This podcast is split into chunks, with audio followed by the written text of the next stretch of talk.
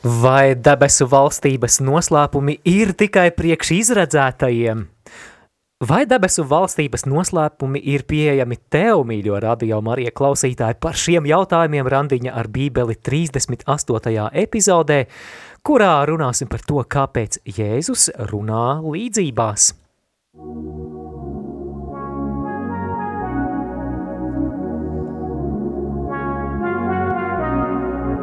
Uzmanību!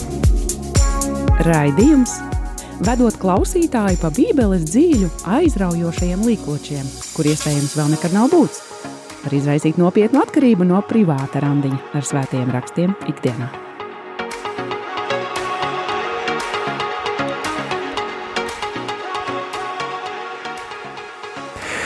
Sveicināti, mīļie randiņi ar bībeli klausītāji! Tevi sveicina šajā dienā Māris Veliks un Olga Dadeka. Sveicināti visi bībeles draugi, randiņi ar bībeli fani! Mīļie klausītāji! Atgādinu arī, ka šobrīd video tiešraidē mūs var skatīties gan YouTube kanālā Radio Marija Latvija tiešraides, kā arī Facebook lapā Randiņš ar bībeli, un ja vēl nesat paspējuši šos kanālus ielaikot, tad noteikti, noteikti izdariet to tagad. Un, ja tev patīk šis raidījums, un ja tu vēlies Radio Marija misiju atbalstīt tā, ka tu padot tālāk mūsu raidījumus, tad no sirds, no sirds tev pateicamies nošēro savā profilā, un iespējams, ka Dievs to lietos, lai kādus no taviem draugiem, kuriem varbūt šis raidījums ir vajadzīgs visvairāk, arī aizsniegtu. Tieši tā, es jau esmu ielaikojusi abas kanālus. jā, nu brīnišķīgi, tad uh, klausītāju kārta, bet jā, randiņa ar bībeli 21. raidījumā es runāju par sešām praktiskām metodēm, kā mēs varam meditēt ar bībeli. Un uh, es atgādināšu, ka šajā raidījumā es arī uzsvēru to, ka bībeles meditācija, ja bībeles tekstu pārdomāšana ir viens no visefektīvākajiem veidiem, kā mēs varam uh, šo vārdu uzsūkt sevī, kā mēs varam padarīt to, lai šis vārds kļūst par daļu no mums. Un, mīļo klausītāji, es tev vēlos piedāvāt īpašu akciju. Ja tu vēlies saņemt šī raidījuma konspektu par sešām bībeles meditācijas metodēm, tad uh, uzraksti uz adresi rantiņš ar bībeli at gmail.com. Tātad, ja gribi elektroniski savā e-pastā saņemt šo konspektu, uh, kas varētu būt tev lielisks palīgs un špikeris, kas noderēs tev tavos privātajos randiņos ar bībeli, tātad adrese ir randiņš ar bībeli at gmail.com.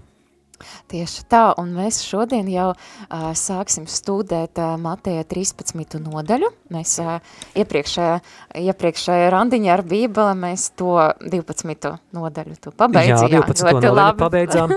Tad mēs sāksim studēt jau 13. nodaļu, un jā, klausītāji, tu uh, seko līdzi sava bībele, tad lūdzu atver Mateja evangēlija 13. nodaļu, un mēs šodien lasīsim no 1. līdz 23 pantam, un šeit būs līdzība par, ļoti slavena līdzība par sējēju. Jā. Bet vispirms, vispirms mēs sāksim šo raidījumu ar lūkšanu, ja? Jā. jā, tad Māris man uzticēja šodien lūgt, jā, tāds gods un prieks lūgt šodien. Tātad lūkšu Dieva Tēva un Dēla un Svētā gara vārdam. Amen. Uh, mīļais Dievs, Mēs tev uzticam šo raidījumu, un es lūdzu svētais gars, nāc, nāc pieskaries katram no mums, man, Mārim, un arī katram, katram klausītājam, kas klausas vai skatas tie, tagad tieši tiešraida un arī atkārtojumam. Kungs Dievs, mēs lūdzam, lai tu sagatavo mūsu sirdis šim vārdam, un lai mūsu sirdis uzņem šo vārdu, un lai nes bagatīgus augļus. To es lūdzu ar Jēzu Kristu, mūsu kungu. Amen.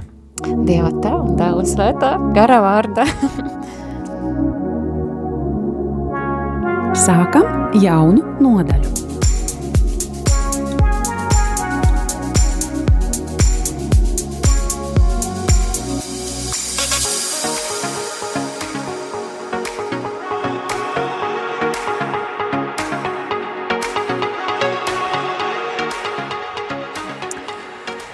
Jā, patiešām mēs sākam studēt jaunu nodaļu, un tā būs Mateja evaņģēlija 13. nodaļa, un sākumā tādam kontekstam, kas mums varēs arī varbūt labāk palīdzēt saprast, par ko tad šī 13. nodaļa ir.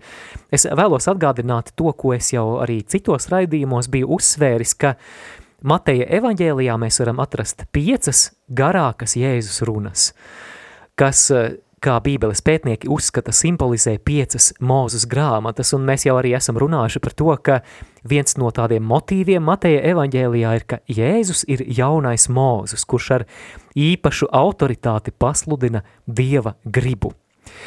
Kura tad ir tā pirmā runa, kuru mēs jau esam izskatījuši šajā raidījumā? Nu, protams, ka tas ir slavenais Kalnas prediķis, Mateja evaņģēlijas 5., 6. un 7. nodaļa. Desmitajā nodaļā mēs runājām par otro Jēzus lielo runu, tas ir misionārais diskurss, kurā Jēzus dod praktiskus norādījumus saviem mācekļiem misijā, sludināšanā un evanģelizācijā. Savukārt 13. nodaļā, kuru mēs uzsākam studēt šodien, mēs atrodam trešo lielo Jēzus runu, ko bībeles pētnieki sauc par līdzību runu. Kā, jā. Tātad līdzību runa un, jā, un par eh, kādas līdzības mēs varam redzēt šajā, šajā lielai līdzību runa, tur būs eh, vispirms eh, līdzība par sējēju, tad līdzība par kviešiem un nezālem, un tad es teiktu agrāra, agrāras līdzības. Un, un tajos un, laikos tas bija ļoti saprotami, tas bija kaut kas no cilvēku ikdienas dzīves. Jā, tad līdzība par uh, sinepju uh, graudiņu, sēklu, un arī līdzība par raugu, un debesu valstību un tā tālāk, un uh, jā, daudz līdzību. Jā, bet Olga, mēs varētu sākt ar tādu pamat jautājumu saistībā ar līdzībām, kas tad īsti ir līdzības, un es gatavojoties šim raidījumam, iegūglēju, protams, kā mūsdienās cilvēki to dara, tātad interneta meklētājā ierakstīju par līdzībām un man izleca Wikipēdijas raksts, un es vēlos nocitēt arī savā brīvā tulkojumā no angļu valodas, kas tad ir līdzība. Līdzība ir īs didaktisks stāsts, kas ilustrē vienu vai vairākas pamācošas mācības vai principus. Un eh, jāatzīmē arī, ka senajiem jūdiem līdzības bija tādi teicieni ar apslēptu nozīmi, un līdzību nolūks bija izprovocēt cilvēku domāt, nu, rakt dziļāk šajā vārdā. Un jā, jāatzīst arī, protams, ka šajā retoriskajā metodē, tātad runāt caur līdzībām, Jēzus nav tas, kurš ir tāds varbūt revolucionārs, kurš ir celmlauzis un kurš ir pirmais, kurš to dara, jo uh, ja mēs rūpīgi lasītu veco derību, mēs redzētu, ka līdzības tur atrodamas diezgan bieži. Tātad kāda stāstiņa, kuru vēsts ir jāsaprot iedziļinoties. Jā, tieši tā vecē derība daudz, daudz līdzību, bet es arī gribu piebilst to, ka dažreiz līdzība palīdz um, saprast lietas būtību, ja tieši runājot, cilvēks nevar saprast to, Jā. palīdz. Un ir kāds ļoti slavens uh, piemērs par līdzību, tad tie, tā līdzība ir uh, ko pateica pravieties Nātans Dāvidam, kad Dāvids bija sagrēkojies ar, ar Betšēbu, un tad viņš arī uh, izprovocējis to Betšabas vīra nāvi, un tad pravieties Nātans devas pie, pie, pie Dāvida, un tad viņš sāk stāstu par to, ka kādam nabaga vīram bija aitiņa, un kāds bagātnieks atņēma šo aitiņu, lai izmantotu savam vajadzībam, laikam, lai uzteptu šašliku vai uzcienātu draugu, un, un jā, bet, bet šīs stāsts nebija kaut kāds reāls stāsts, jā, ko Nātens gribēja pastāstīt, uh,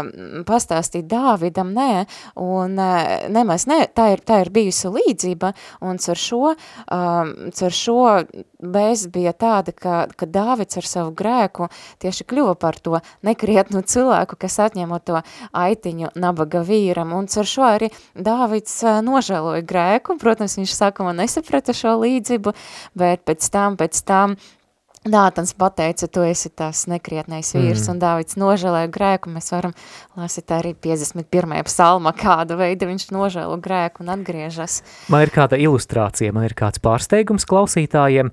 Šī gada pavasarī mēs ar Edmundu, ar mūsu raidījuma neklātienes dalībnieku, kurš eh, ielasa svētos rakstus, arī izveidojām tādu dramatizējumu tieši šai Olgas minētajai mm. līdzībai.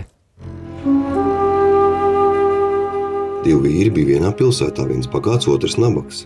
Bagātiem bija ļoti daudz sīklopu un lielo. Bet nabagiem no vis tā nebija nekā. Vienīgi viens pats ieriņš, vēl glumži mazs, ko viņš bija pircis un izaudzējis, un kas pie viņa bija izaudzis kopā ar viņa bērniem. Tas ēd no viņa maizes rieciena un dzēra no viņa kausa, un pie viņa krūtīm gulēja, un šī mazā aitiņa bija viņam paša meita. Un, kad kādā dienā pie bagātā vīra ieradās viesis, tad viņam bija žēl ņemt ko no savu sīklopu un lielo pulka, lai sagatavotu mīlestību viesim, kas bija pie viņa atnācis bet viņš ņēma nabagā vīra aitiņu un to aizsīja savam ciemiņam.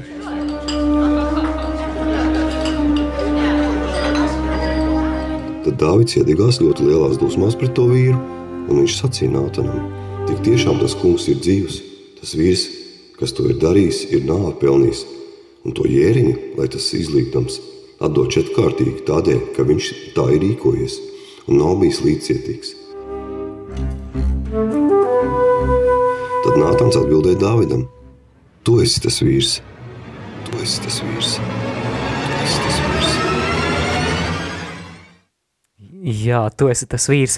Labi, bet tagad uh, Mateja evaņģēlē 13. nodaļa, un šeit Jēzus runā līdzībās. Jēzus šeit sniegs virkni līdzību, kuru vēstījums pirmajā acu mirklī var nebūt skaidrs. Un tas provocē domāt, un kā mēs redzēsim, vēl jau vairāk jautāt pašam Jēzum pēc šo līdzību izskaidrojuma, un tad nu, šodien mēs studēsim šīs runas pirmo līdzību, līdzību par sējēju. Klausāmies.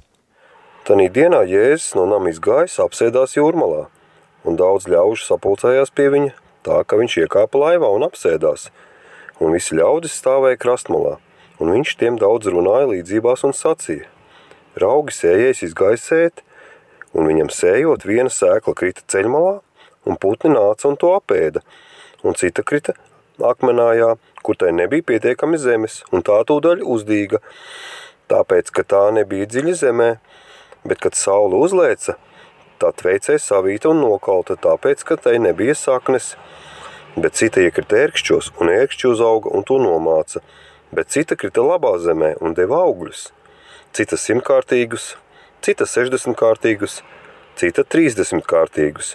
Kam ausis dzirdē, tas lai dzird. Jā, ko tad mēs šeit dzirdējām? Tāds īsais kopsavilkums, ka ir trīs augsnes, kas nenes augļus, un ir viena augsne, kas nes augļus. Un tālāk mēs arī lasam, ka Jēzus vēl neizskaidro šo līdzību. Mēs, mēs to līdzības izskaidrošanu atliksim uh, višiņ uz, uz jā. tālāk, ja? Un, bet Jēzus izskaidro to, uh, ka, uh, jā, ka, ka Jēzus šeit tālāk jau sēko tas, kāpēc Jēzus vēlas runāt uh, līdzības, un, un tas izprovocē mm, tos jautājumus mācekļiem un mācekļi piegāja pie viņu un sacīja, kāpēc tu uz viņiem runā līdzībās? Jā, mīļo klausītāji, šis ir īstais brīdis, lai arī mēs mēģinātu saprast, kāpēc Jēzus runā līdzībās, un ko tad Jēzus atbild? Lasām 13. nodaļas 11. pantu. Bet viņš atbildēja un viņam sacīja, jums ir dots zināt debesu valstības noslēpumus, bet viņiem tas nav dots. Iepriekšējās Mateja evaņģēlija nodaļās, tātad 11. un 12. mēs redzējām, ka pieaug pretestība pret Jēzu un pret viņa sludināto vēsti. Un uh, cilvēki it kā sāk sadalīties divās grupās, divās cilvēku daļās, tādos, kas pieņem Jēzus sludināto vēsti, un tādos, kas nepieņem. Vēl jau vairāk ne tikai nepieņem, bet pat mērķtiecīgi pretojās, atcerēsimies, piemēram, rakstu zinātājus un farizējus, kuri pat apspriežas, lai Jēzu nogalinātu. Jā, cik atšķirīga ir šī atvērtības pakāpe Jēzum. Tad no tikko dzirdētie Jēzus vārdi ir lielā mērā komentārs par šīm divām cilvēku grupām, proti par tiem, kuri pieņem un kuri nepieņem Jēzus sludināšanu. Jeb Jēzus vārdiem sakot, ir tādi, kuriem ir dots saprast, nu, piemēram, Jēzus tas tuvākais ļaužu loks, Jēzus mācekļi, un tādi, kuriem nav dots. Es saprotu, mīļo klausītāji, ka tas mums vēl nepadara skaidrāku atbildi uz jautājumu, kāpēc Jēzus runā līdzībās, bet pacietību mēs līdz tam vēl nonāksim, bet lasām tālāk no 12. līdz 15. pantam.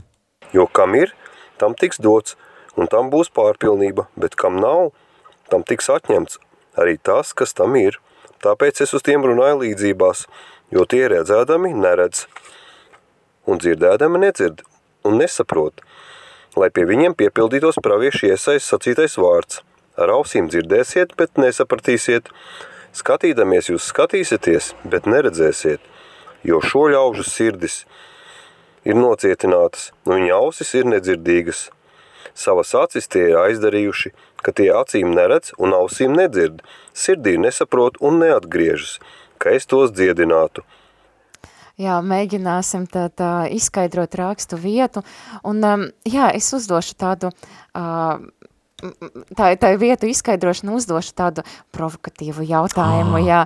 Vai, vai, jā, vai neliekas tā, ka Jēzus runājot līdzības un kaut kā apzināti grib uh, noslēpt patiesības no, no kādiem cilvēkiem, no tiem, piemēram, kuri, kā pats viņš saka, ka uh, viņam nav dots uh, saprast mm valstības noslēpumiem.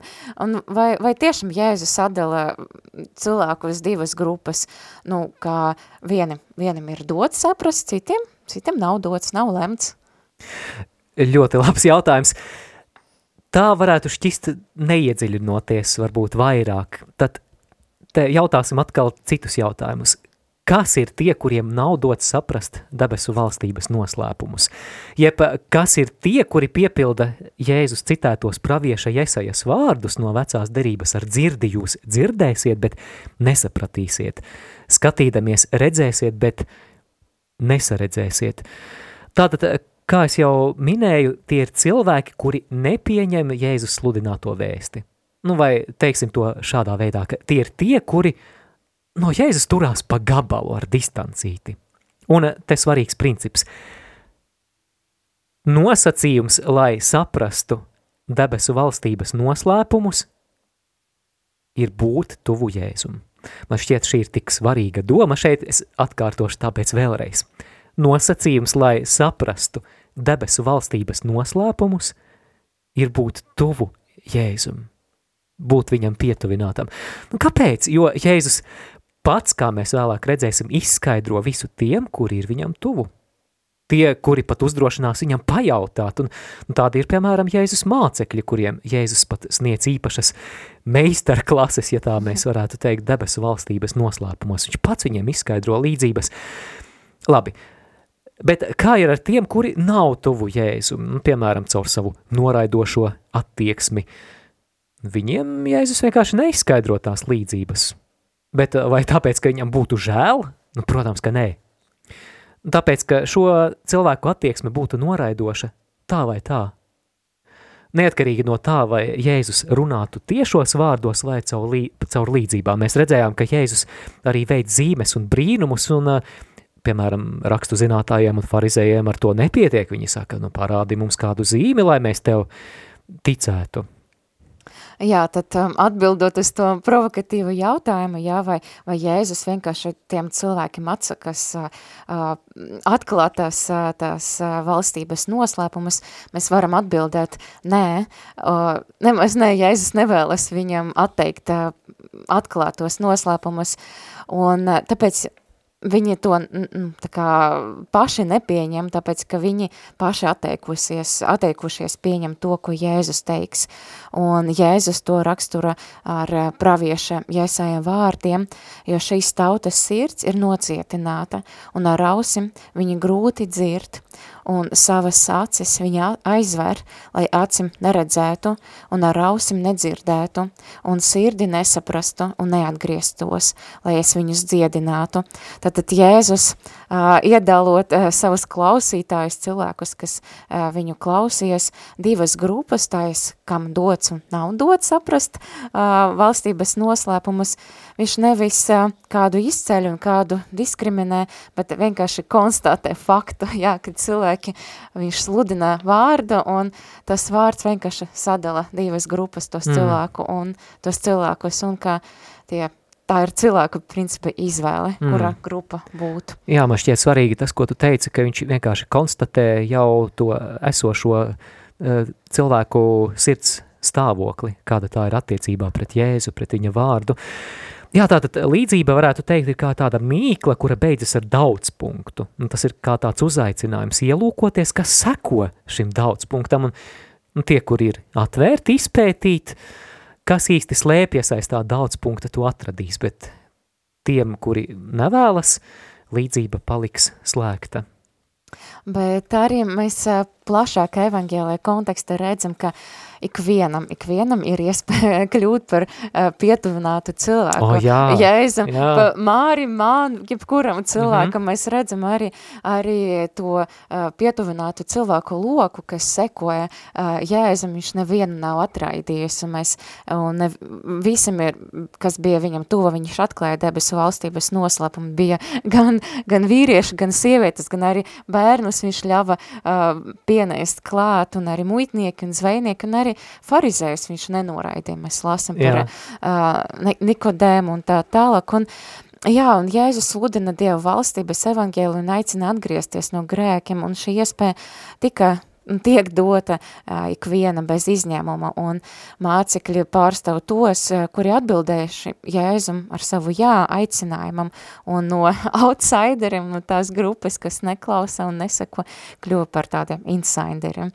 Un jā, tad, jā, Tad tiem, kas nav jā, tad šķirtnes starp tam divam grupam, tie, kuriem nav dots zina debesu valstības noslēpumus, un tiem, kuriem dots uh, var tik šķērsota.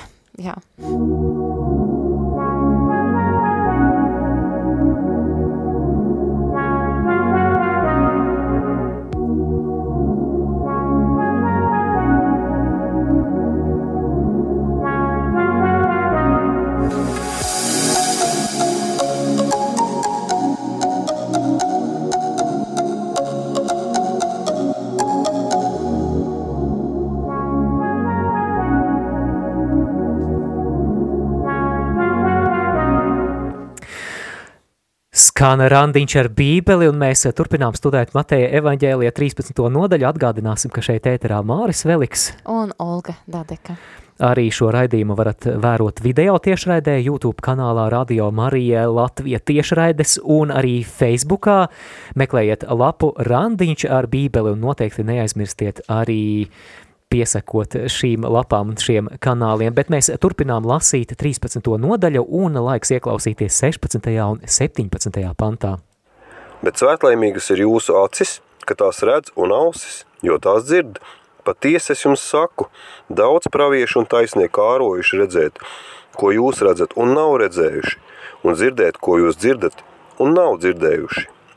Jā, tātad pretstatā tiem, kuru acis bija aklas, lai redzētu un ausis kurlas, lai dzirdētu, Jēzus saviem mācekļiem saka, ka svētīgas ir jūsu acis, jo tās redz, un jūsu ausis, jo tās dzird.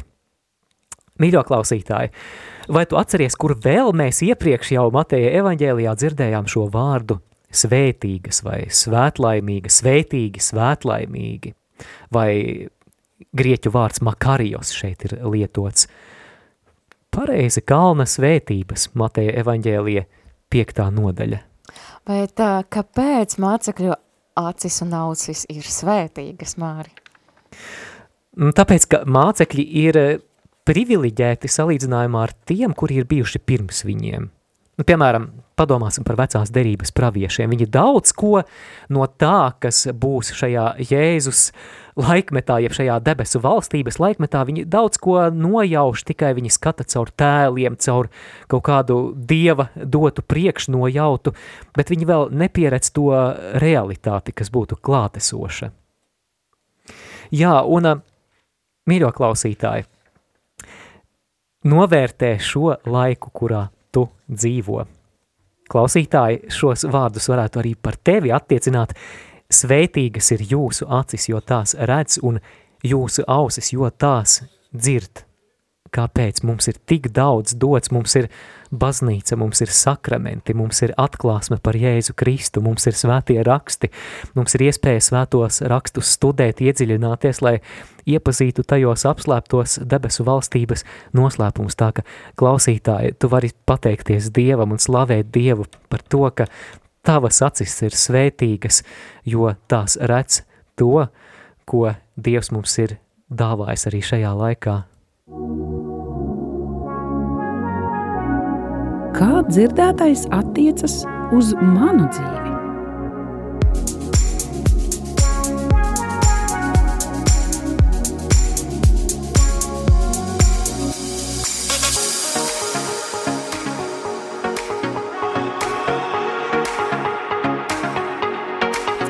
Jā, kā dzirdētājs attiecas uz mūsu dzīvi, šajā raidījumā, mīļo klausītāji, jau izskanēja doma, ka nosacījums, lai mēs saprastu Dieva valstības noslēpumus, ir būt tuvu Jēzum, būt tajā Jēzum pietuvinātajā lokā, un mēs ar Olgu vēlētos tevi iedrošināt, klausītāji, būt par cilvēku, kas ilgojas iepazīt debesu valstības noslēpumus. Mums ar Olgu pēdējā laikā šī ir tāda ļoti sirdī tuva tēma, vai ne? Tieši tā, man patika noslēpumi. Jā, un ir kaut kādas debesu valstības likumsakarības, kuras darbojas jau šeit zemes virsū, tās ir apslēptas Dieva vārdā, tās mēs varam atklāt savā tādā kristīgās kalpošanas praksē, un ir vērts to vairāk iepazīt, tāpēc, mīļo klausītāji, neapmierinies ar to, kur savā garīgajā, kristīgajā dzīvē tu atrodies šobrīd. Ir daudz, daudz, daudz vairāk, un klausītāji, vai tu gribi vairāk? Vai tu gribi vairāk izprast šos Dieva valstības noslēpumus? Es noteikti gribu. Es bet, arī gribu. Jā, un, bet pats galvenais Dievs jau to apsola arī sava vārda, un mēs varam uh, ieklausīties uh, apsolījumos, ko mēs jau varam izlasīt. Tātad no Jeremijas grāmatas uh, 33. nodaļas 3. panta. Piesauc mani, tad es tevi uzklausīšu un tev atklāšu lielas un brīnišas lietas, kas tev nebija zināmas. Un tas ir apsolījums, ko mēs varam mm. teikt, Dievs, tu taču esi man to apsoli, apsolījis, tu vari man to atklāt, es gribu zināt. Tās un, lielās un brīnišķīgās lietas. Jā, tad mēs arī varam lasīt no uh, pirmas vēstules korintiešiem, otras nodaļas, 9. pantā. Bet tā ir, kā rakstīts, ko acs nav redzējusi un aus nav dzirdējusi, un kas neviena cilvēka sirdi nav nācis, to Dievs ir sagatavojis tiem, kas viņu mīl.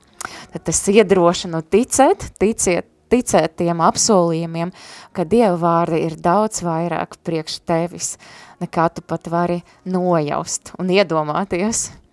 Jā, Olga, es esmu tā novērojis, ka mūsu katoļu vidē bieži vien ar to bībeles lasīšanu tā ir, kā ir, un es esmu arī dzirdējis, ka bie, bieži vien pat jāatzīst viens no populārākajiem aizbildinājumiem, kāpēc katoļi bībeli nelasa, ir Bībele ir pārāk sarežģīta, es tur neko nesaprotu. Un varbūt arī tu klausītāji jūties kā kāds, kurš dzird šīs Jēzus līdzības un kurš neko nesaprot. Ko Jēzus ar to gribēja pateikt, to varbūt domā.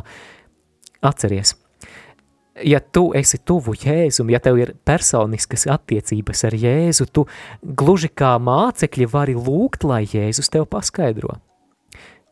Mīļo klausītāji, tu zini, ka tu esi svētā gara templis – Un tev ir svētais gars, kurš mājo tevī un kurš, kā Jēzus apsolīja, mūs mācīs visā patiesībā. Jautā svētajam garam, kad lasi bībeli, nepadodies. Jā, reizēm bībeles lasīšana ir arī tāds grūts darbs, ir jāizcīna tā vieta, tas laiks ikdienā, kad mēs to lasām. Reizēm varbūt var šķist, ka tā lasīšana ir sausa, bet Dievs tik un tā pabaro, Dievs tik un tā tos debesu valstības noslēpumus ieliek mūsu sirdī, ieliek mūsu prātā, ieliek mūsu atmiņā, mūsu zemapziņā. Un vēlreiz atgādinu, ka nosacījums, lai saprastu debesu valstības noslēpumus, ir būt tuvu Jēzum. Tieši tā, bet uh, varbūt kādiem no jums uh, klausītāji Dievs skaidro savas valstības noslēpumus un arī to, kā Dieva vārds varbūt tiek uh, nezinu, attiecas uz jūsu dzīvi, cer kalpošanu, ja jums ir kāda kalpošana, cer lūkšanu grupiņa, kur jūs dalaties ar, ar Dievu vārdu, ar, ar, ar to, ko jūs, kā jūs izdzīvojat to Dievu vārdu, arī varbūt caur klausoties rādījumā arī Latvijā, varbūt caur kādam stūdijam, piemēram, rārzi stūdiem, bet šeit ļoti svarīga loma kā Mārim patīk te, teikt, privātiem randiņam. O, jā. Jā, privātajiem randiņam. Es te atkārtošos to, ar... ko es uh, regulāri esmu teicis, ka raidījums randiņš ar bībeli gluži kā uztura bagātinātājs neaizstāja sabalansētu un pilnvērtīgu uzturu, neaizstāja tavus privātos personiskos randiņus ar bībeli. Tieši tā, jo personiskas, per, personiskie randiņi ar bībeli tevi vēt uz personiskam attiecībam ar Dievu, ko, kas, ir, kas ir pats galvenais mūsu dzīve. Bet uh, Uh, jā, bet galvenais ir tas, ka, nu, man liekas, tev nav jāsaprot uzreiz viss, ja tu lāsi, Protams. jā, bet nesamierinies ar to, nesamierinies ar to, ar to mazumiņu, jā, un uh, šeit ir svarīga tava tā sirds attieksme, tava izvēle, tavs lēmums, ka tava sirds ir gatava mācīties, bet nevis tā intelektuāli, bet uh, ar sirdi, jā, un es arī varu piemēram, pateikt, ka man ir bijušas kādas rakstu vietas, ko es nemaz nevarēju saprast. Man liekas, ka, nu, ko tas nozīmē, es nesaprotu, un es tā kā, jā, es atdodu to Dievam, es nemēģinu uh, kaut kā izskaidrot to, bet es nolieku tā uz plauktiņa, bet uh, pienāk kāds brīdis, un es dzirdu to vārdu, piemēram, dievkalpojumu vai kāda vēl cita konteksta, uh, un bāc, es pēkšņi ir. to saprotu. es pēkšņi saprotu, jo mana sirdi šis vārds bija, un, un, un līdzīgi, ka Jēzu mēs varam lūgt to vārdu, vārdu izskaidrot, un mēs jau redzam, ka Jēzus skaidro, un, piemēram, Emausas mācekļiem, kur Jēzus skaidroja vārdu, un tad viņi, wow, viņa acis pēc tam atvēras, oh, jā. jā. Vai mūsu sirdis nedega, kad viņš ar mums runāja vārdu izskaidrodams? Tieši tā. Man arī šķiet svarīgi tas, ko tu teici, nebaidīties no tā, ka tu visu nesaproti. Visu tu arī nekad nesapratīsi. Mm, es esmu kaut kad domājis par to, ka, piemēram, kardināls Jozefs Ratzingers, jeb eh, pāvests emeritus Benedikts 16. viņam ir vairāki doktora grādi teoloģijā. Un es esmu pārliecināts, ka ja mēs viņam jautātu, vai jūs, jūsu svētība, vai jūs saprotat pilnīgi visu bībelē, viņš pazemīgi teiktu, nē, Tātad no tā nav jābaidā, jābaidās. Bet pēc brīža mēs studēsim līdzības par sējēju izskaidrojumu, kurā mēs redzēsim, cik svarīga loma debesu valstības noslēpumu saprašanā ir tieši Dieva vārdam. Atgriezīsimies ēterā pavisam drīz.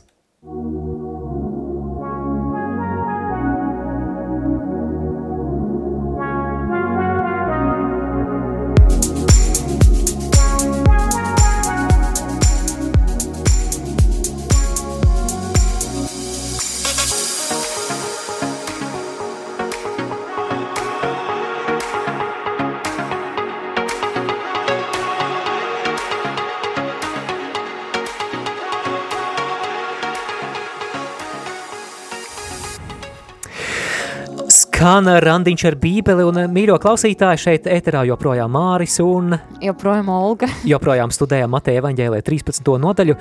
Es nezinu, vai kāds mūs dzird vai nē, bet mēs priecātos arī, ja jūs liktu manīt savu klātbūtni vai kāds klausās un Arī kā es bieži vien to esmu arī uzdevis jautājumu klausītājiem, arī šoreiz varētu jautāt, vai ir kāda viena doma, kuru tu no šī raidījuma gribētu paņemt līdzi, vai varbūt tev kādas pārdomas vai komentāri, vai jebkurā veidā, kādā tu gribētu iesaistīties, tad droši, droši mēs gribētu arī sajust arī to, ka ir tāda radio Marija ģimene un randiņa ar bībeli klausītāju kopiena. Iesaisties ēterā, zvanot uz studijas tālruni 67 969 131 vai rakstot īsiņu uz numuru 266 77 272. Izmanto arī e-pasta iespēju Studija at rml.lv.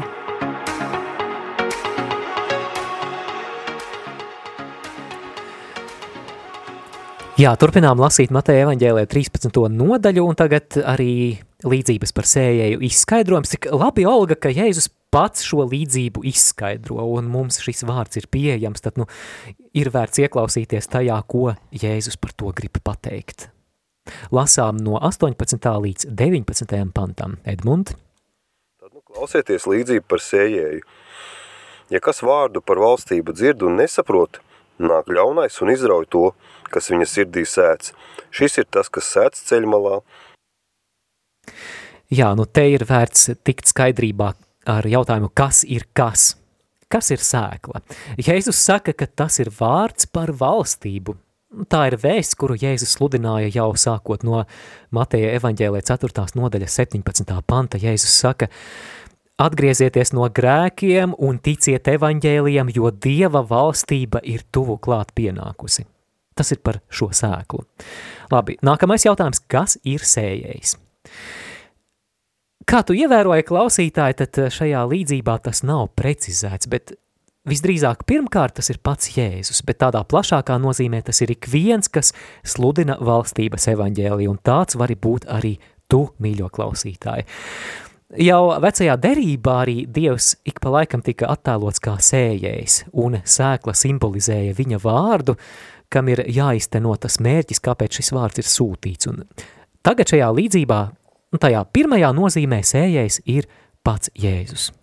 Jā, un tad tālāk, un kas ir, kas ir tā augsne, kas ir tas dažādas augsnes mēs lāsam, jā, un kura, kura sēkla krīt, un tā ir tā atšķirīga atbilde uz Jēzus sludināšanu, uh, jā, tas ir tā šī līdzība aicina mūs pievērst uzmanību, kāds ir tas sēklas liktenis un kas būs ar šo vārdu. Un principā tas ir atkarīgs no augsnes. Mēs lasam, lasam vairākas augsnes, un jā, tas ir, tas ir tas nosaka sēklas likteni, kur e, sēkla krīt, un tā var teikt, ka ir tā augsnes atbildība, jeb izvēle, jeb stāvoklis, Jā, jo galu, galu galā visos no šiem četriem līdzību aprakstītajiem gadījumiem šī vēst, vēsts tiek dzirdēta, tiek saklausīta. Svarīgi ir tas, kas notiek pēc tam. Tad no šajā pirmajā gadījumā, kuru nu pat mēs dzirdējām, kā Jēzus to izskaidro, sēklas nespēja iesakņoties zemē, simbolizē sapratnes trūkumu. Tātad ir teikts, ka kas vārdu par valstību dzird, bet to nesaprot. Un kas vēl te ir interesanti, ka nespēja dzīt saknes dziļāk par šo virsmu, šeit ir saistīta ar ļaunā gara darbību. Līdzību par sējēju mēs varam atrast arī pārējos sinoptiskajos evaņģēlijos, proti Lūkas evaņģēlijā un Marka evaņģēlijā, un interesanti, ka šajās paralēlajās vietās pie Marka ir lietots vārds sātans, bet pie evaņģēlista Lūkasa ir vēlns. Un, Māri, vai tad Māteja evaņģēlijā mums ir kādi konkrēti cilvēku piemēri, kas, kad sēkla krīt ceļamālu un ļaunais gars nozog to sēklu? Ka, Ka, mm -hmm. kas, kas tā ir par cilvēku grupu evaņģēlijā? Jā, nu mēs, ja Mateja evaņģēlijā kādu ilustrāciju meklējam, tad visdrīzāk tie varētu būt, piemēram, farizēji un rakstu zinātāji, jeb tie galvenie Jēzus pretinieki. Tātad mēs tagad lasam par otru augsni. Bet kas sēdz ērkšķos ir tas, kas vārdu dzird, un šī laikmeta zūdīšanās un bagātības viltība. Rekā mēs, eh, mēs ne to failiņu palaidām, tā tagad būs par to otru augsni, klausāmies. Bet kas akmenājā sēdz ir tas, kas vārdu dzird, un tūlīt to ar prieku uzņem. Bet viņam nav saknes sevī, un viņš ir nepatstāvīgs. Kad uznāk spaidi un vajāšanas vārda dēļ, viņš tūdaļ apgrēkojas. Jā, otrajā gadījumā šī sākotnējā situācija izklausās diezgan cerīga. Vārda klausītāju entuziasms vismaz tā liek domāt, un tomēr tas ir ļoti tāds īslaicīgs, nenoturīgs, jo trūkst sakņu un pārbaudījumus šī sēkla galu galā neiztur. Un uh, kura cilvēka grupa varētu būt uh, Mātēja evangēlija šiem, šim piemēram, mm -hmm. šai augsnei? Piemēram, Mateja evaņģēlē 4. nodaļā no 25. panta mēs lasījām, ka viņam sekoja liels ļaužu pūlis. Tur notika zīmes un brīnumi, visi tur ā, kaut kas neredzēts. Viņam seko liels ļaužu pūlis. Jautājums, kur tad šis lielais ļaužu pūlis bija Jēzus pēdējās dienās Jeruzalemē? No tā sākotnējā entuziasma tur palicis viens čiks, vienkārši puh, bija, bija, nav vairs. Vai vēl cits piemērs, piemēram, Mateja evaņģēlija 8. nodaļu mēs jau esam arī raidījumā lasījuši, un 19. pantā kāds nāk pie Jēzus un saka, skolotāji, es sekošu tev, lai arī kurp tu ietu. Jēzus it kā viņam gribēdams pateikt, ka, ak, mīļais, tu pat nezini, ko tu prasi. Viņš saka, lapsām ir alas, putniem līkstas, bet cilvēka dēlam nav kur galvu nolikt. Tātad eh, šī sekošana Jēzum nevienmēr ir rožaina. Tā nepasargā cilvēku no ciešanām, no vajāšanām, un eh, šādos apstākļos tiem, kuriem tās saknes nav laistas dziļāk, viņi vienkārši paklūp, viņi vienkārši neiztur. Un tad nu šie cilvēki bez saknēm beigu beigās izrādās tikpat neauglīgi kā šī pirmā grupa, no kuras vārda sēkla tika izrauta.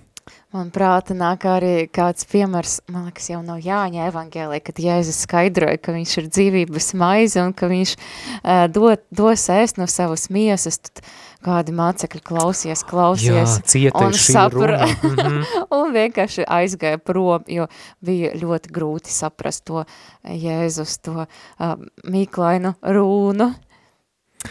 Jā, un uh, tagad... Tagad trešā, trešā oksne jā, trešā augsne, mēs par to lasām 22. pantā, un lūdzu. Bet kas sēdz ērkšķos ir tas, kas vārdu dzird, un šī laikmeta zūdīšanās un bagātības viltība noslāpē vārdu, un viņš kļūst neauglīgs, Tad šīs pasaules rūpes un bagātība, kā ērši, var nomakt vārdu, to vārda sēklu. Mēs zinām, kādu postu var nodarīt, piemēram, nezāle dārza, ja viņu neizrāvē. Un droši vien daudziem, daudziem klausītāji arī, piemēram, man, es izaugu laukos un es ah, zināju, ja tu neizrāvēsi gurkus vai, vai kaut ko citu, nu, nebūs nekādas ražas. Būs ļoti grūti, nebūs augļu augļu, nebūs rezultātu, nebūs vēl rezultāta, jo nezālei ir tāda tendence aizņemt visu, visu, vies, visu vietu. Uh, ja jau, Olga, mēs esam sākuši meklēt arī pašā Mateja evaņģēlijā kādus piemērus, uh, šīm dažādajām augsnēm, tad eh, tas, kas nāk prātā, ir bagātais jauneklis, kurš atteicās sekot Jēzum, jo tam bija daudz īpašumu. Par to mēs vēl randiņā ar bībeli lasīsim kaut kad vēlāk, kad sasniegsim 19. Nodaļu. Nu, un tas arī atsauc atmiņā fragmentu no Kalnas prediķa sastajā nodaļā, kur Jēzus aicina neraud, neraizēties par tām pasaulīgajām lietām, ko mēs ēdīsim, ko vilksim mugurā, ko mēs dzersim. Un ne jau tāpēc, ka tās pasaulīgās lietas būtu kaut kas slikts. Nē, Jēzus tur runā par tām prioritātēm. Tie slavenie vārdi, ka vispirms meklējiet Dieva valstību un viņa taisnību, un tās pārējās lietas Dievs jums dos klāt. Jā, Jā, un uh, mēs nevaram jā, vienlaicīgi uh, kalpot un atdot savu sirdi dievai, dievam un mamonai, un savādāk mūsu sirds būs sadalīta, un mēs arī, Jēzus teica, ka, nu, tu nevari kalpot diviem kungiem, tad vienu kungu tu mīlēsi, citu ienīdīsi. Jā, nu pat mēs dzirdējām, kā tad Jēzus komentē tos trīs gadījumus, kad sēklai nav, diemžēl, diemžēl lemts nest augļus, bet nu tagad mēs esam pienākuši klāt tai ceturtajai augsnei un mēs klausāmies. Bet kas sēdz labā zemē ir tas, kas vārdu dzird un saprot. Tad tas nes augļus, cits simtkārtīgus, cits sešdesmitkārtīgus, cits trīsdesmitkārtīgus. Nu, beidzot ir laba augsne, kas Urā! nes augļus. Jā. 25% laikam tā var sadalīt pie cilvēku grupām. Jā, svarīgi ir tas, ka Jēzus saka vārdu dzird un saprot. Un, mm. nu, par to saprašanu mazliet ir jāpiebilst, ka saprašana gan šeit nav jāuz, jāuztver tādā tīri intelektuālā nozīmē. Dzirdēt un saprast drīzāk šeit nozīmē dzīvot ar veltīšanos tam, ko pieprasa šī vēsts par valstību, tātad šī veltīšanās, šī savas dzīves pakļaušana Jēzus vārda principiem. Jā, nav runa par, par tieši par augļiem kā tādiem, jā. jā. Bet arī Mateja evangēlijā mēs uh, lāsam Jāņa Kristītāja sludināšanu, un interesanti, ka viņš arī runā par augļu nešanu, ka, un augļi ir dzīva, ko raksturo patiesa atgriešanas, un es lasīšu no Mateja evangēlē trešas nodaļas, tad nu nesiet cienīgus atgriešanas augļus. Kā dzirdētais attiecas uz manu dzīvi?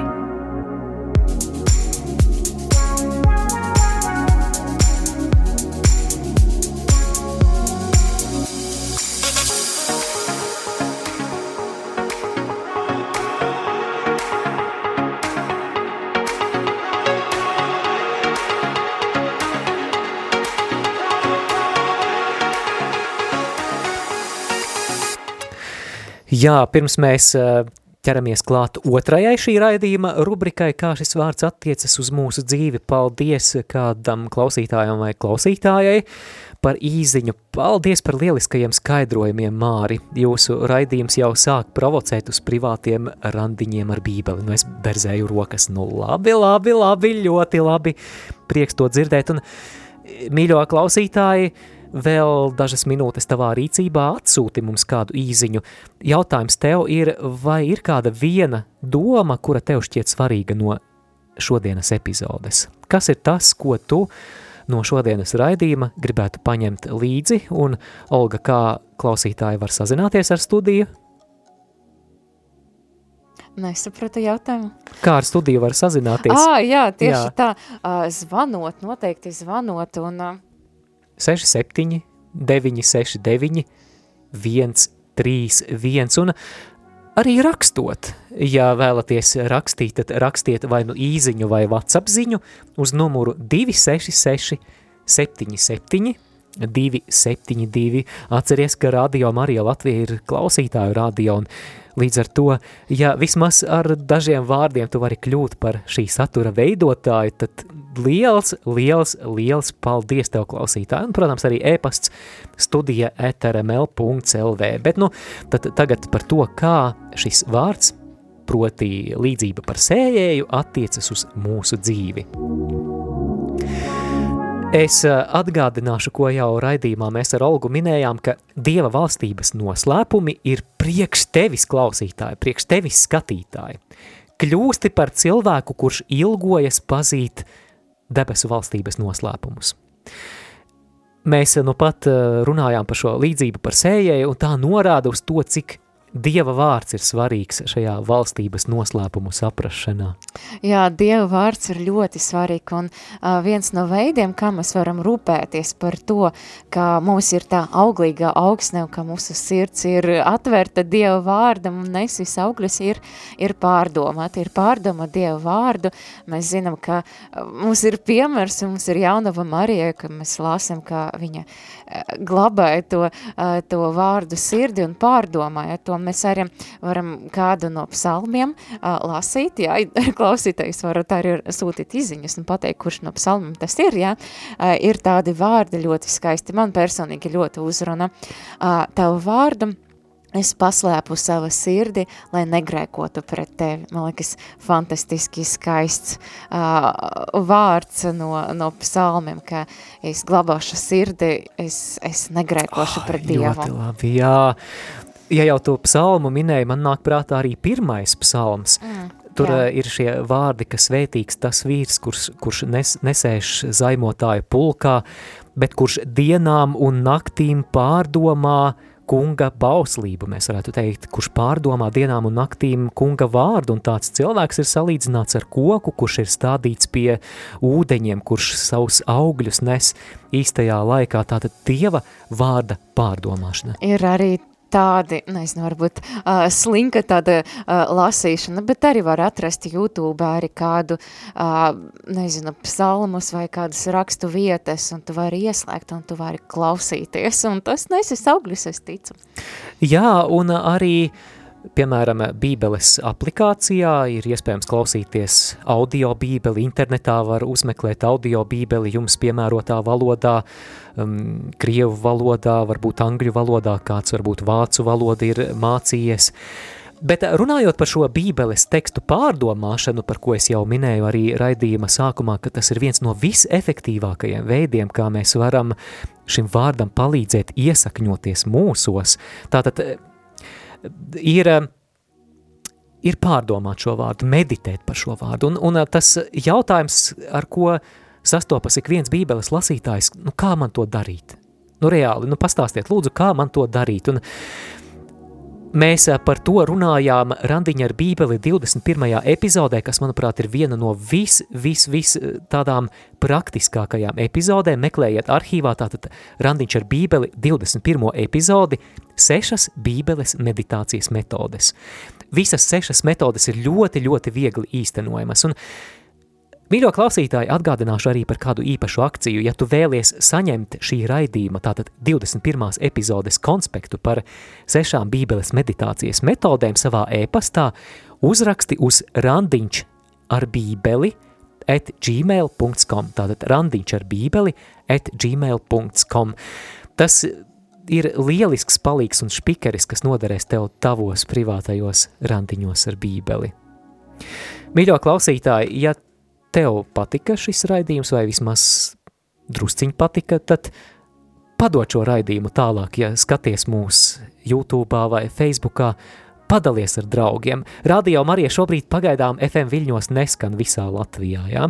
bet ir citi veidi, kā mēs varam aizsniegt iespējami vairāk cilvēku, un ja tu varētu palīdzēt Radio Marija misijā caur to, ka tu padot tālāk raidījumus, mēs būsim ļoti, ļoti pateicīgi. Ielaikojiet, komentējiet, dariet visu iespējamo, lai Radio Marijas saturs, ja jums tas šķiet svarīgi, ja tas norezonē jūsu sirdī, lai tas uh, gūtu vairāk publicitātes sociālajos tīklos, kas ir tāda mūsdienu vide, kur daudz, daudz cilvēki atrodas. Metīsim tīklus Jēzus vārdā, metīsim tīklus kopā. Un paldies arī Guntai, kura uzrakstīja, ka viņu uzrunāja doma būt tuvu Jēzum, viņš pats visu paskaidros. Paldies, sirsnīgs Gunta!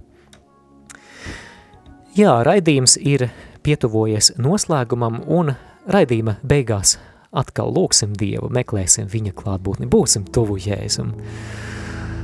Uh, jā, es jūtu tādu iedvesmu, ka mums Olga vajadzētu lūgt tagad par klausītājiem, lūdzot viņiem tādu bībeles lasīšanas harizmu, jeb bībeles lasīšanas dāvanu.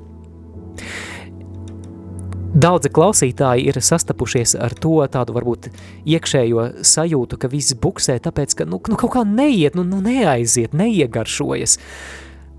Mīļo klausītāji, ja tu gribi tagad saņemt tādu jaunu piepildījumu ar svēto garu, un ja tu gribi saņemt no viņa tādu personisku pamudinājumu, lasīt bībeli stiprinājumu, un arī, ja tu vēlies, lai, ja tu vēlies iet šo ceļu, kas ir šo debesu valstības noslēpumu iepazīšanas ceļš, saki viņam, jā, tu vari atvērt savas rokas, tu vari tagad lūgt kopā, un mēs lūgsim par tevi. Dieva tēva un dēla un svētā gara vārdā. Āmen. Slava Tev, kungs, par mūsu brāļiem un māsām, slava Tev, kungs, par klausītājiem, slava Tev par, par skatītājiem, Mēs lūdzam nāc svētais gars un mēs lūdzam viņiem bībeles lasīšanas dāvanu. Tu spēji mūsu sirdī darīt tādus brīnumus, kungs, un mēs lūdzam nāc svētais gars un atraisi ilgas pēc tava vārda. Kungs palīdzi izlausties cauri tam sausuma posmam un, un ļauj sajust to, ka tavs vārds ir garšīgs. Ļauj sajust to, ka tavs vārds ir garšīgs un dot arī tajos brīžos, kad, kad varbūt šķiet, ka nekas neuzrunā, būt neatlaidīgiem. Kungs palīdzi viņiem kļūt par tava vārda cilvēkiem, par tiem, kas lasa, kas pārdomā un kas savā dzīvē izpilda vārdu. Jā, Dievs, lūdzu, dod tādu mīlestību katram klausītājam uz tevi, kungs, Dievs, ka caur vārdu, ka viņi satiek tevi, Jēzu, satiek, ieklausās tava balsi, ka tas esi tu, kungs, Dievs, Jā, kungs. ko viņi var satikt caur, caur bībeles lasīšanu, kungs, Dievs, ka tas ir tas pats, kungs, tas pats, kungs, Dievs, ļauj viņam piedzīvot mm -hmm. katram klausītājam šo īsto tikšanos ar tevi, Jēzu, ka tas esi tu, kas runā, kas skaidro, kas piepilda. Tiešām nāc svētais gārs, nāc, nāc iepriecini, nāc svētais gārs par katru klausītāju. Jā, nāc svētais gars, esi bībeles skolotājs klausītājiem, esi tu tas, kurš izskaidro debesu valstības noslēpumus. To mēs lūdzam Jēzus Kristus vārdā. Āmen. Āmen. Marija, Dieva māte, lūdz par lūdz mums. Par mums. Svētais Matei, lūdz, lūdz par, mums. mums. Ēterā bijām es Māris Veliks un Olga Dadeka.